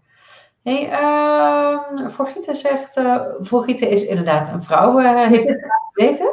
Eh, Saskia, je zegt dat ontbijten zet de verbranding aan, maar we weten nu ook dat juist even niet eten op je reserve zet. Is later ontbijt, maar dan heel gezond en voedzaam. Dan ook niet prima als een kind nog niet direct wil ontbijten in de ochtend. Nou, daar had je al een beetje wat over gezegd. Hè? Van, ja, het heeft er met name mee te maken van wat eet het dan iets later op de dag. Eh, ik, ik denk dat dit ook prima kan, maar eh, ben je het daarmee eens? Of, eh, Nou ja, weet je, ik bedoel, wie ben ik om het... er- Het ligt er gewoon aan, is je kind in balans? Als jouw kind daarbij goed functioneert en een normaal gewicht hebt, dan kan ik daar als kinderarts niks van vinden. Het gaat erom als een kind overgewicht heeft, hmm, ja, dan, dan hebben we daar gewoon te weinig informatie over. Dus dat hele intermittent fasting raad ik echt niet aan om dat te gaan eh, doen bij kinderen. Daar hebben we gewoon geen bewijs voor dat dat helpt. Of we weten ook niet of dat ongezond is. Dus dat is echt iets wat bij volwassenen nu eh, eh, wel veel onderzoek naar gedaan is. Maar voor kinderen hebben we daar echt nog te weinig informatie over. Nee, maar stel dat je kind echt, hè, zoals die ene nou, moeder die zei van ja, mijn kind echt, ik krijg er met moeite, krijg ik er wat Ja. van.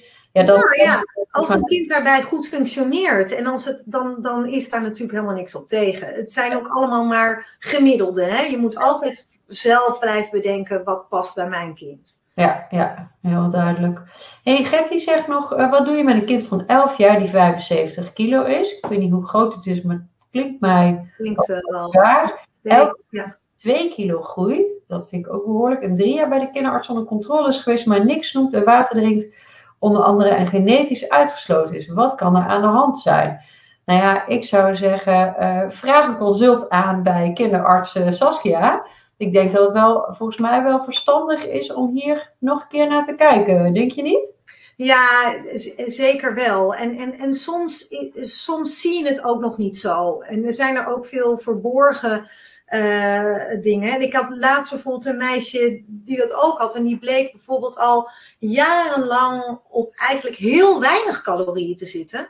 Waardoor dat lichaam eigenlijk ja, die hele verbranding gewoon niet goed op gang komt. Dus ook dat, hè, is de, dus, dus het is echt heel goed om dat per kind te bekijken waar het hem in zit. En wat ik zei, het heeft ook te maken hoe zit een kind in de vel, uh, hoe, zit, hoe is het met de nachtrust, zijn er stressfactoren die een rol spelen, hoe zit het met bijvoorbeeld medicatiegebruik. Dus er zijn echt wel heel, het is echt te simpel om het alleen maar bij voeding uh, neer te leggen. Ja, duidelijk.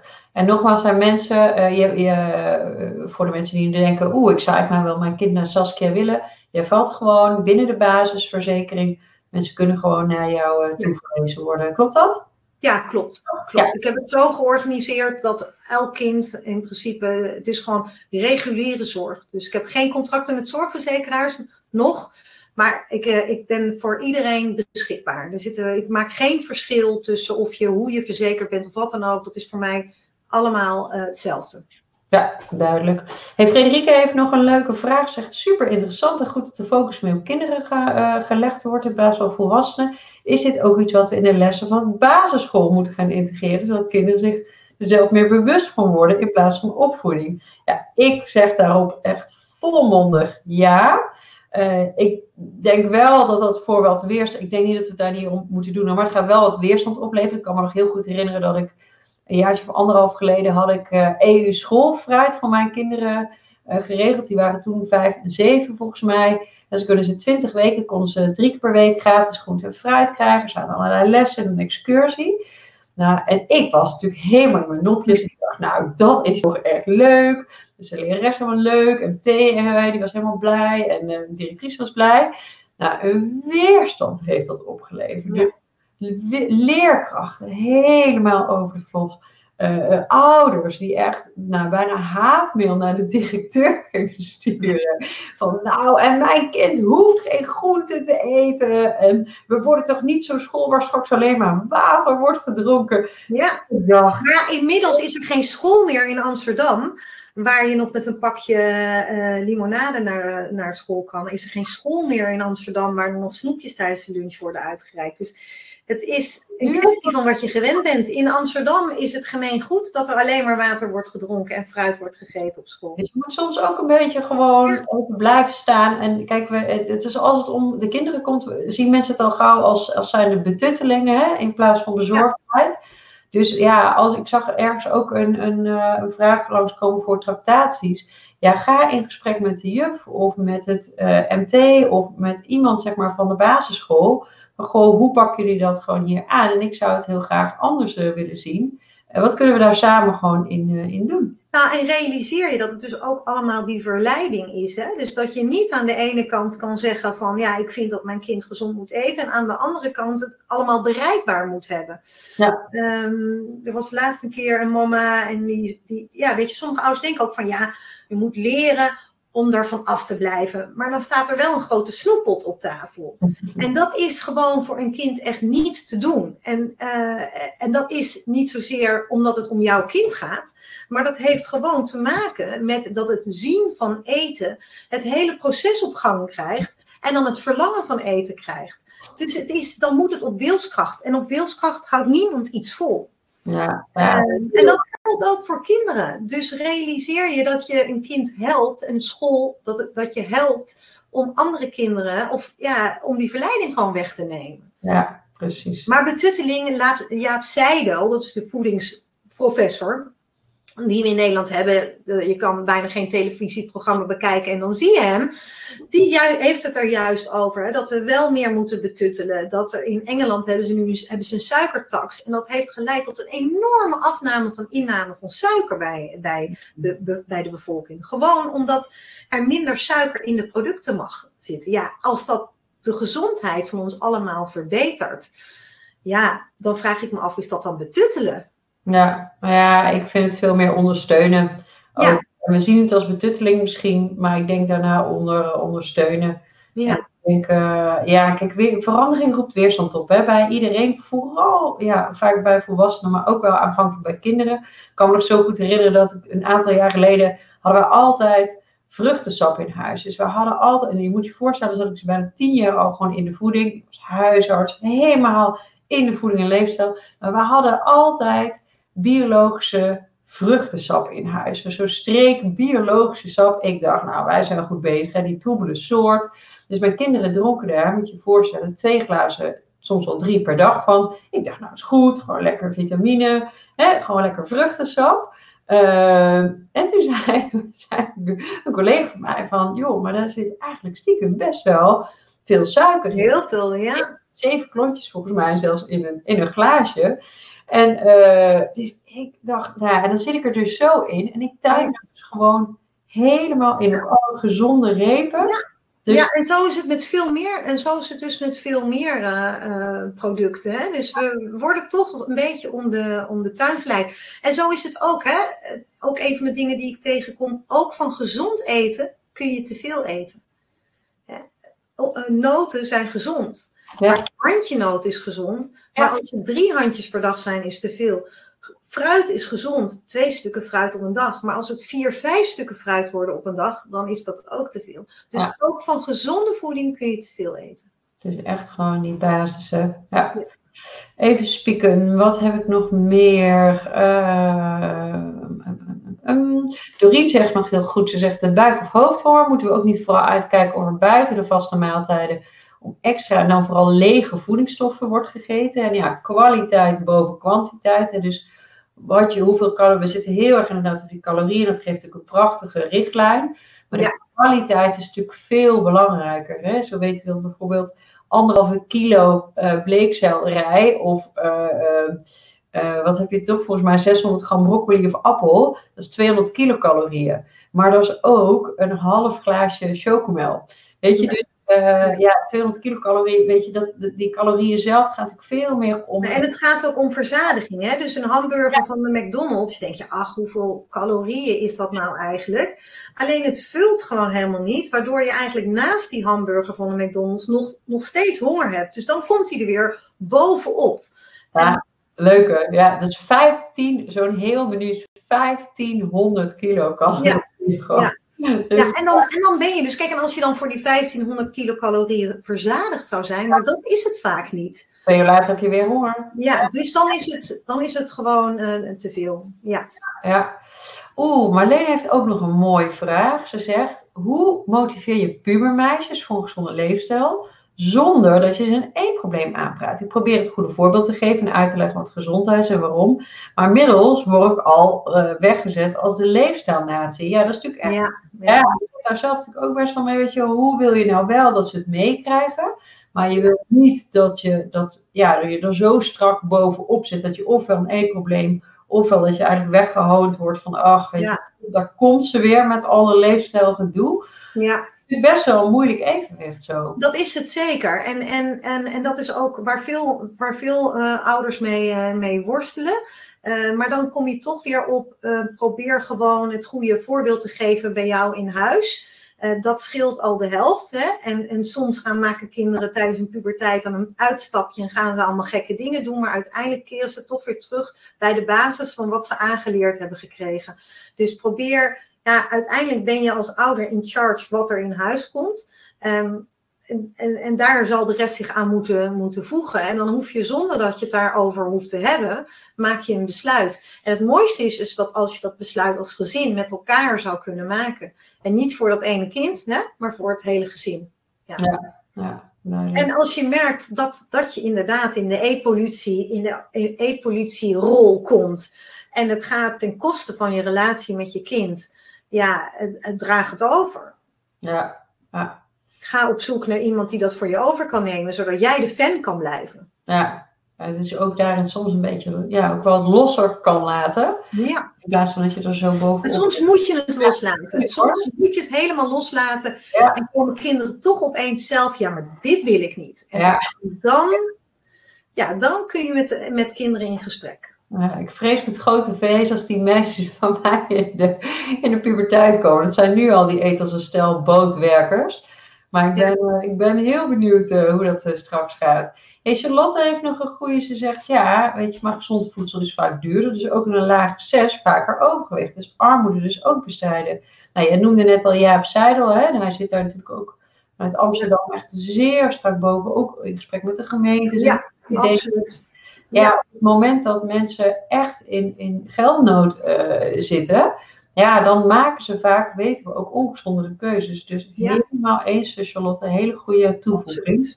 Nou ja, en laten we vervolgens kijken naar de voedselbank. Hè. Als je ziet wat dat voor een voeding is. Ja, Nou ja, en dat is dus wel grappig, want ik weet dus van Jaap, dat ze, daar hebben ze dus wel eens eh, onderzoek naar gedaan. Van ja, wat gebeurt er nou als ze dat gaan vervangen, dat voedsel? Hè? Dus voor gezonder voedsel, dus van wit brood naar volkoren brood, of van wit pasta naar volkoren pasta, of met veel meer groenten. Ja, en dan zeg, eh, en dan, maar dan zie je dus dat mensen het niet lekker vinden, het komt het weer terug. Eh, de groenten, daar weten ze niet wat ze moeten doen. Maar dan denk ik, ja, en dus denk ik ook een stukje volhouden. Hè? Ook als ik kijk naar mijn kinderen met die appelsap. Nou, ik heb een weerstand gekregen drie weken lang. Van ja, dat willen we niet. Dat we willen appelsap. Maar ja, na drie weken hoorden ze er helemaal niet meer over. Ja, Dus ik denk dat stukje ook van, oké, maar hoe bereid je nou die groenten? En ook heel even volhouden van, ja jongens, weet je, dit is even wat het is. En ja. dan mogen we dus wel betuttelen slash ondersteunen. Ehm, maar helemaal eens, ik denk dat dat natuurlijk ook wel echt een hele mooie zou zijn om dat, eh, om dat te doen. ja. Ehm, Nou, en eh, dan wil ik ook nog wel eens in kijken naar, ook weer naar het eetcentrum, want daar verwijs ik steeds naar. Daar staan ook hele goede tips hoe je met een kleine beurs ja, ehm, toch eh, gezonde voeding kan kopen. ja, goeie. Want er zijn echt wel heel veel mogelijkheden om ook met een kleine beurs gewoon heel gezond te eten. Ja. Maar eh, ja, in de supermarkt is dat soms wat moeilijker dan te vinden. Maar ehm, ja, daar staan wel goede tips in. Dus als mensen luisteren en denken van, goh, dit gaat over mij. eh, eh, kijk alsjeblieft naar, naar de website van het voedingscentrum, want daar vind je van alles. Ja, goeie. Hey, Hendrika zegt nog, welke rol speelt de aanloop op de eerste menstruatie? Mensen, want meisjes menstrueren ook steeds jonger. Speelt die aanloop zeg maar daar naartoe nog een rol? Nou ja, kijk, wat er natuurlijk gebeurt bij meisjes rondom de menstruatie is dat ze natuurlijk in de puberteit eh, komen. eh, of in het einde van de puberteit zijn. Dus de groeisnelheid gaat er helemaal uit. En soms zitten kinderen nog heel erg in die flow van heel veel eten uit die groeispurt. Eh, en opeens houdt die groeispurt op. Ehm, en eh, vervolgens krijg je bij meisjes sowieso natuurlijk wat meer vetafzetting op de heupen, wat helemaal normaal is. Maar de groei stopt. En als het eetpatroon, laat me zeggen, zit voorzit, dan zie je soms kinderen echt uit de, uit de curve vliegen.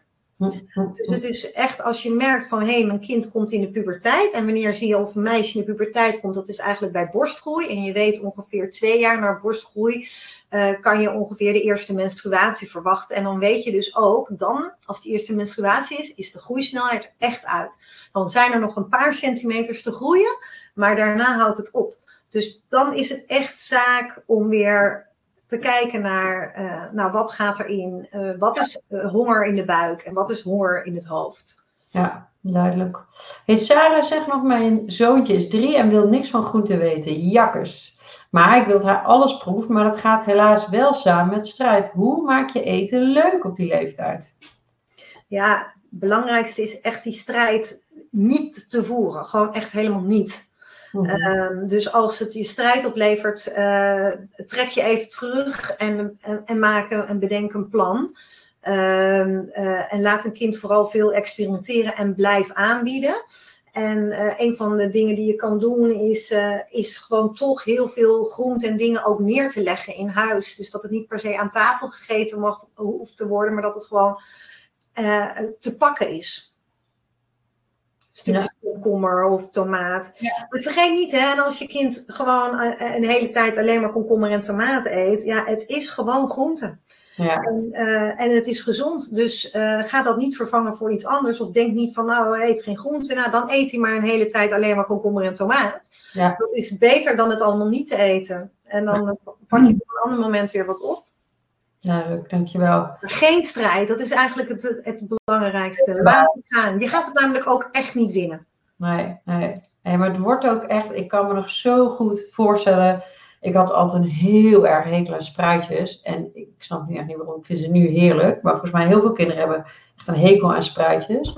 Ja, en dan moest ik gewoon eten totdat het op was. En ik moest gewoon koude spruitjes naar binnen werken. Nou, tot kokhalzes toe. En mijn moeder probeerde het ook echt met alle liefde. Maar dat, ik merk dat beeld is nog zo in mijn heugen, geheugen gegrift. Dat koude eten, anderhalf uur aan die Ja. tafel. Ja. Je maakt er zo. Het is zo. Het is Ja. voor niemand leuk. Maar het is ook heel frustrerend hoor voor ouders. Dat is het zeker. Want ik heb zelf eh, persoonlijk die ervaring ook. ja, Het, het doet ook iets met je. Hè? We zijn, we worden, je, je krijgt een kind en op het moment dat, er- dat je een kind krijgt, is er maar één ding belangrijk. Dat is namelijk dat jij verantwoordelijk bent dat het opgroeit en dat het wordt gevoed. Dat is een Ja. oorgevoel wat we hebben. En eh, ja, als er aan dat oorgevoel wordt getornd of als een kind dat niet wil, dan doet dat iets met je als ouder. Ja. En, en je dat realiseren dat het er is, maar echt voordat kinderen echt zover eten dat ze zich verhongeren, dat, dat is echt zelden tot nooit. Echt Nee. En wat En als een kind wat overgewicht heeft, klaagt van honger, ja, dan, ja, dat kan. Hij kan best een hongergevoel hebben, maar daar hoef je niet per se aan toe te geven. Want het is niet zo dat je daarmee hè, je, je kind eh, verhongert. En dat zeg ik ook tegen ouders. Op het moment dat je kind te zwaar heeft, heeft het dus veel reserves opgedaan. En heeft het dus meer gegeten dan wat het eigenlijk honger had. Ja, ja. Maar bij ons heel erg, want ik heb echt niet twee van natuurlijk hele makkelijke eten. Ook niet heel moeilijk hoor, maar ook niet dat, ja, dat ze echt alles eten. Maar wat bij ons heel erg heeft geholpen, is dat ze een, een veto-groente mochten hebben. Dus die groente, dus bij allebei tomaat, sowieso, het zijn twee zusjes, dus de een doet ook wat de ander doet. Ze kijken elkaar ook elke keer aan van, oh, lekker vind jij. Maar dus ze hebben allebei dezelfde groente, en dat is tomaat. Eh, maar die, die groente hoeven ze dus ook gewoon niet te eten. Nee, nee maar ik had ook zo'n kind en die had vijf veto-groentes of zes veto-groentes. En dan wordt het echt een stuk ingewikkelder. Er eentje. Ja, nee, maar zwaar. Proberen toch wel regie te geven aan kinderen. Maar soms is het ingewikkeld. Dat is Ja. het. Dat ja, is, zeker, zeker, zeker.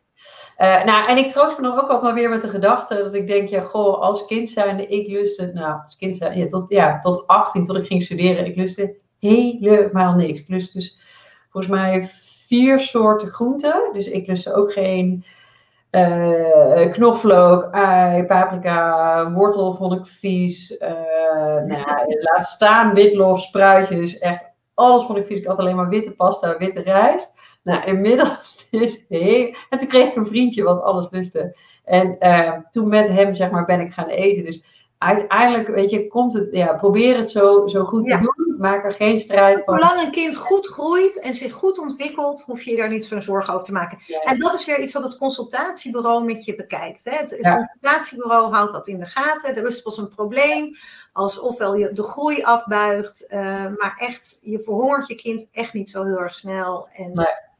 Eh, Nee, zeker. Hey, ehm, ik zie er, er zijn echt bizar. Ik heb dit nog nooit meegemaakt, maar er blijven echt bizar veel vragen. Dus ik kan ze Ja. nooit nu een vijf maar ik ben blij dat het zo leeft. Dat Ja, leeft wel, het. eh, Ja, ja. het zijn, eh, eh, het zijn echt ontzettend, ja, ontzettend interessant. Die vinden het onwijs interessant volgens mij. Mhm. Ehm, en, maar we hebben nog vijf minuutjes. Ik ga zo richting afronding. Jij zei al van, goh, hebben mensen nog echt dringende vragen? Mail mij op kinderarts, of eh, sorry, eh, Ja, op Instagram kan je. Ja. Saskia, hè? Ja. Of- ja, je kan natuurlijk altijd de Ik weet niet of ik alles kan beantwoorden, dat zeg ik er wel bij, want ik heb gewoon ook hele drukke spreekuren. Ja. Maar ik kan wel eh, proberen om. ehm, ja, ik, en ik, het is ook mijn bedoeling iets meer te gaan posten, maar wat ik zei, ik heb het gewoon heel druk. Dus eh, dat staat allemaal nog op het wensenlijstje. Maar ja, ja ik, ik, daarom is dit zo leuk, omdat ik de kans krijg om ja, gewoon wat meer mensen te bereiken. En dat is toch wel iets eh, ja, dat ik echt wel aan het ontdekken ben. Dus eh, Ja, toch. Ja. ja.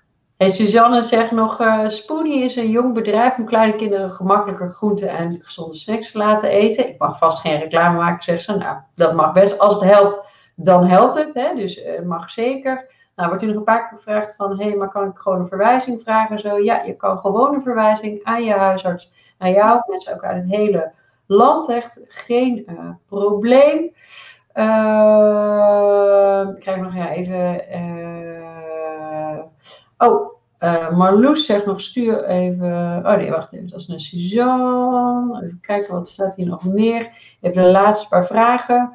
Er wordt hier nog gezegd van, goh, hè, eh, Hendrika zegt nog een beetje humor, hè, wortels neerleggen in een leuke vorm, twee cherry tomaatjes, een grappig liedje bij, komkommer schrijft ze op de oren, ogen, humor, is wel grappig, had die ook ooit een keer gezien of gelezen. En toen ben ik dus eh spaghetti doen, zo'n spaghetti hoofd. En dan maak ik inderdaad van komkommer en wortel, maak ik dan helemaal zo'n gezichtje met van die gekke haren. En heb ik één keer gedaan, dacht ik, nou oké, dat is wel grappig. Dus nu elke keer zegt ze, mama, doe je wel weer met zo'n gezichtje? Ja. Dus dat- ik volg op Instagram ook een, ehm, volgens mij is dat een Amerikaanse moeder, die eh, echt heel leuk, die ook de meest creatieve dingen doet met het eh, aantrekkelijk maken van eh, eten Ja. op het bord. Dus wel leuk. Dus, dus volgens mij kan je dat dan zien. Hè? Als je mij volgt, dan kan je zien wie ik volg. Jij dan weer volgt. Ja. Ja, en dan, eh, dus, dus, dus die, die zit daartussen. Je, je kan Ja. er leuke dingen mee doen. Ja. Maar dan kan je echt ook, hè, je kan natuurlijk een uur ervoor gaan eh, uittrekken, maar je kan ook binnen vijf minuten kan je echt ook Ja. grappigs maken. Italita heeft nog een goede, ze zegt groente leren eten, zet alle zintuigen in, hè, laat ruiken, zien, voelen, horen. Betrek bij het kiezen, bij het koken, bij het klaarmaken, serveren. Dus je kan inderdaad, en je merkt ook echt, die kinderen als ze het zelf hebben klaargemaakt, of ze, al hebben ze maar één wortel gesneden, dat doet ook wat. Dus betrek ze ook, zeker als ze jong Ja, zijn, lekker bij hè? Ja. bij het eten. Eh, Danny zegt nog heel goed, ja, je spiegelt als kind. Hè? Mijn vader had geen spruiten en bloemkool, ik ook niet. Nu eh vindt beide nu heerlijk. Hè? Dus. Dus het goede voorbeeld geven. Kinderen kijken inderdaad continu naar hun ouders hoe ze dingen doen. Ja, ook zeker waar. ja, zeker. Even kijken. eh, oh, geef groente eerder. Dat is ook wel een goede, zegt eh, Yvonne. Nou ja, wat ik, wat ik vaak... eh, soms koken ze mee en soms zet ik ze even pedagogisch onverantwoord. Ook even mogen ze dan hun half uurtje tv. Hè. Ze krijgen mij normaal gesproken een half uurtje schermtijd. In coronatijd moet ik heel eerlijk zeggen. dat is heel knap. dat voor elkaar krijgt. Moet ik wel zeggen. Maar heel vaak zet ik ze dan wel vast met een kommetje wortel en komkommer. Dat vinden ze heerlijk. Alvast achter de tv. Ze hebben gewoon zo al 100 gram groente nog voor het avondeten binnen.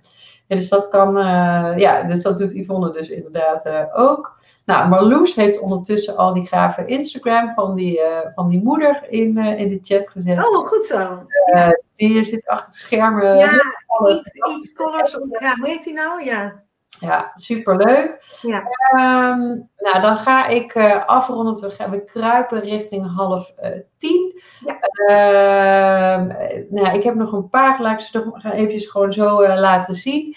Nou ja, in het, in het kader van goh, hè, het, het goede voorbeeld geven. We hebben natuurlijk een eigen leefstijlprogramma gemaakt sinds nu bijna een jaar.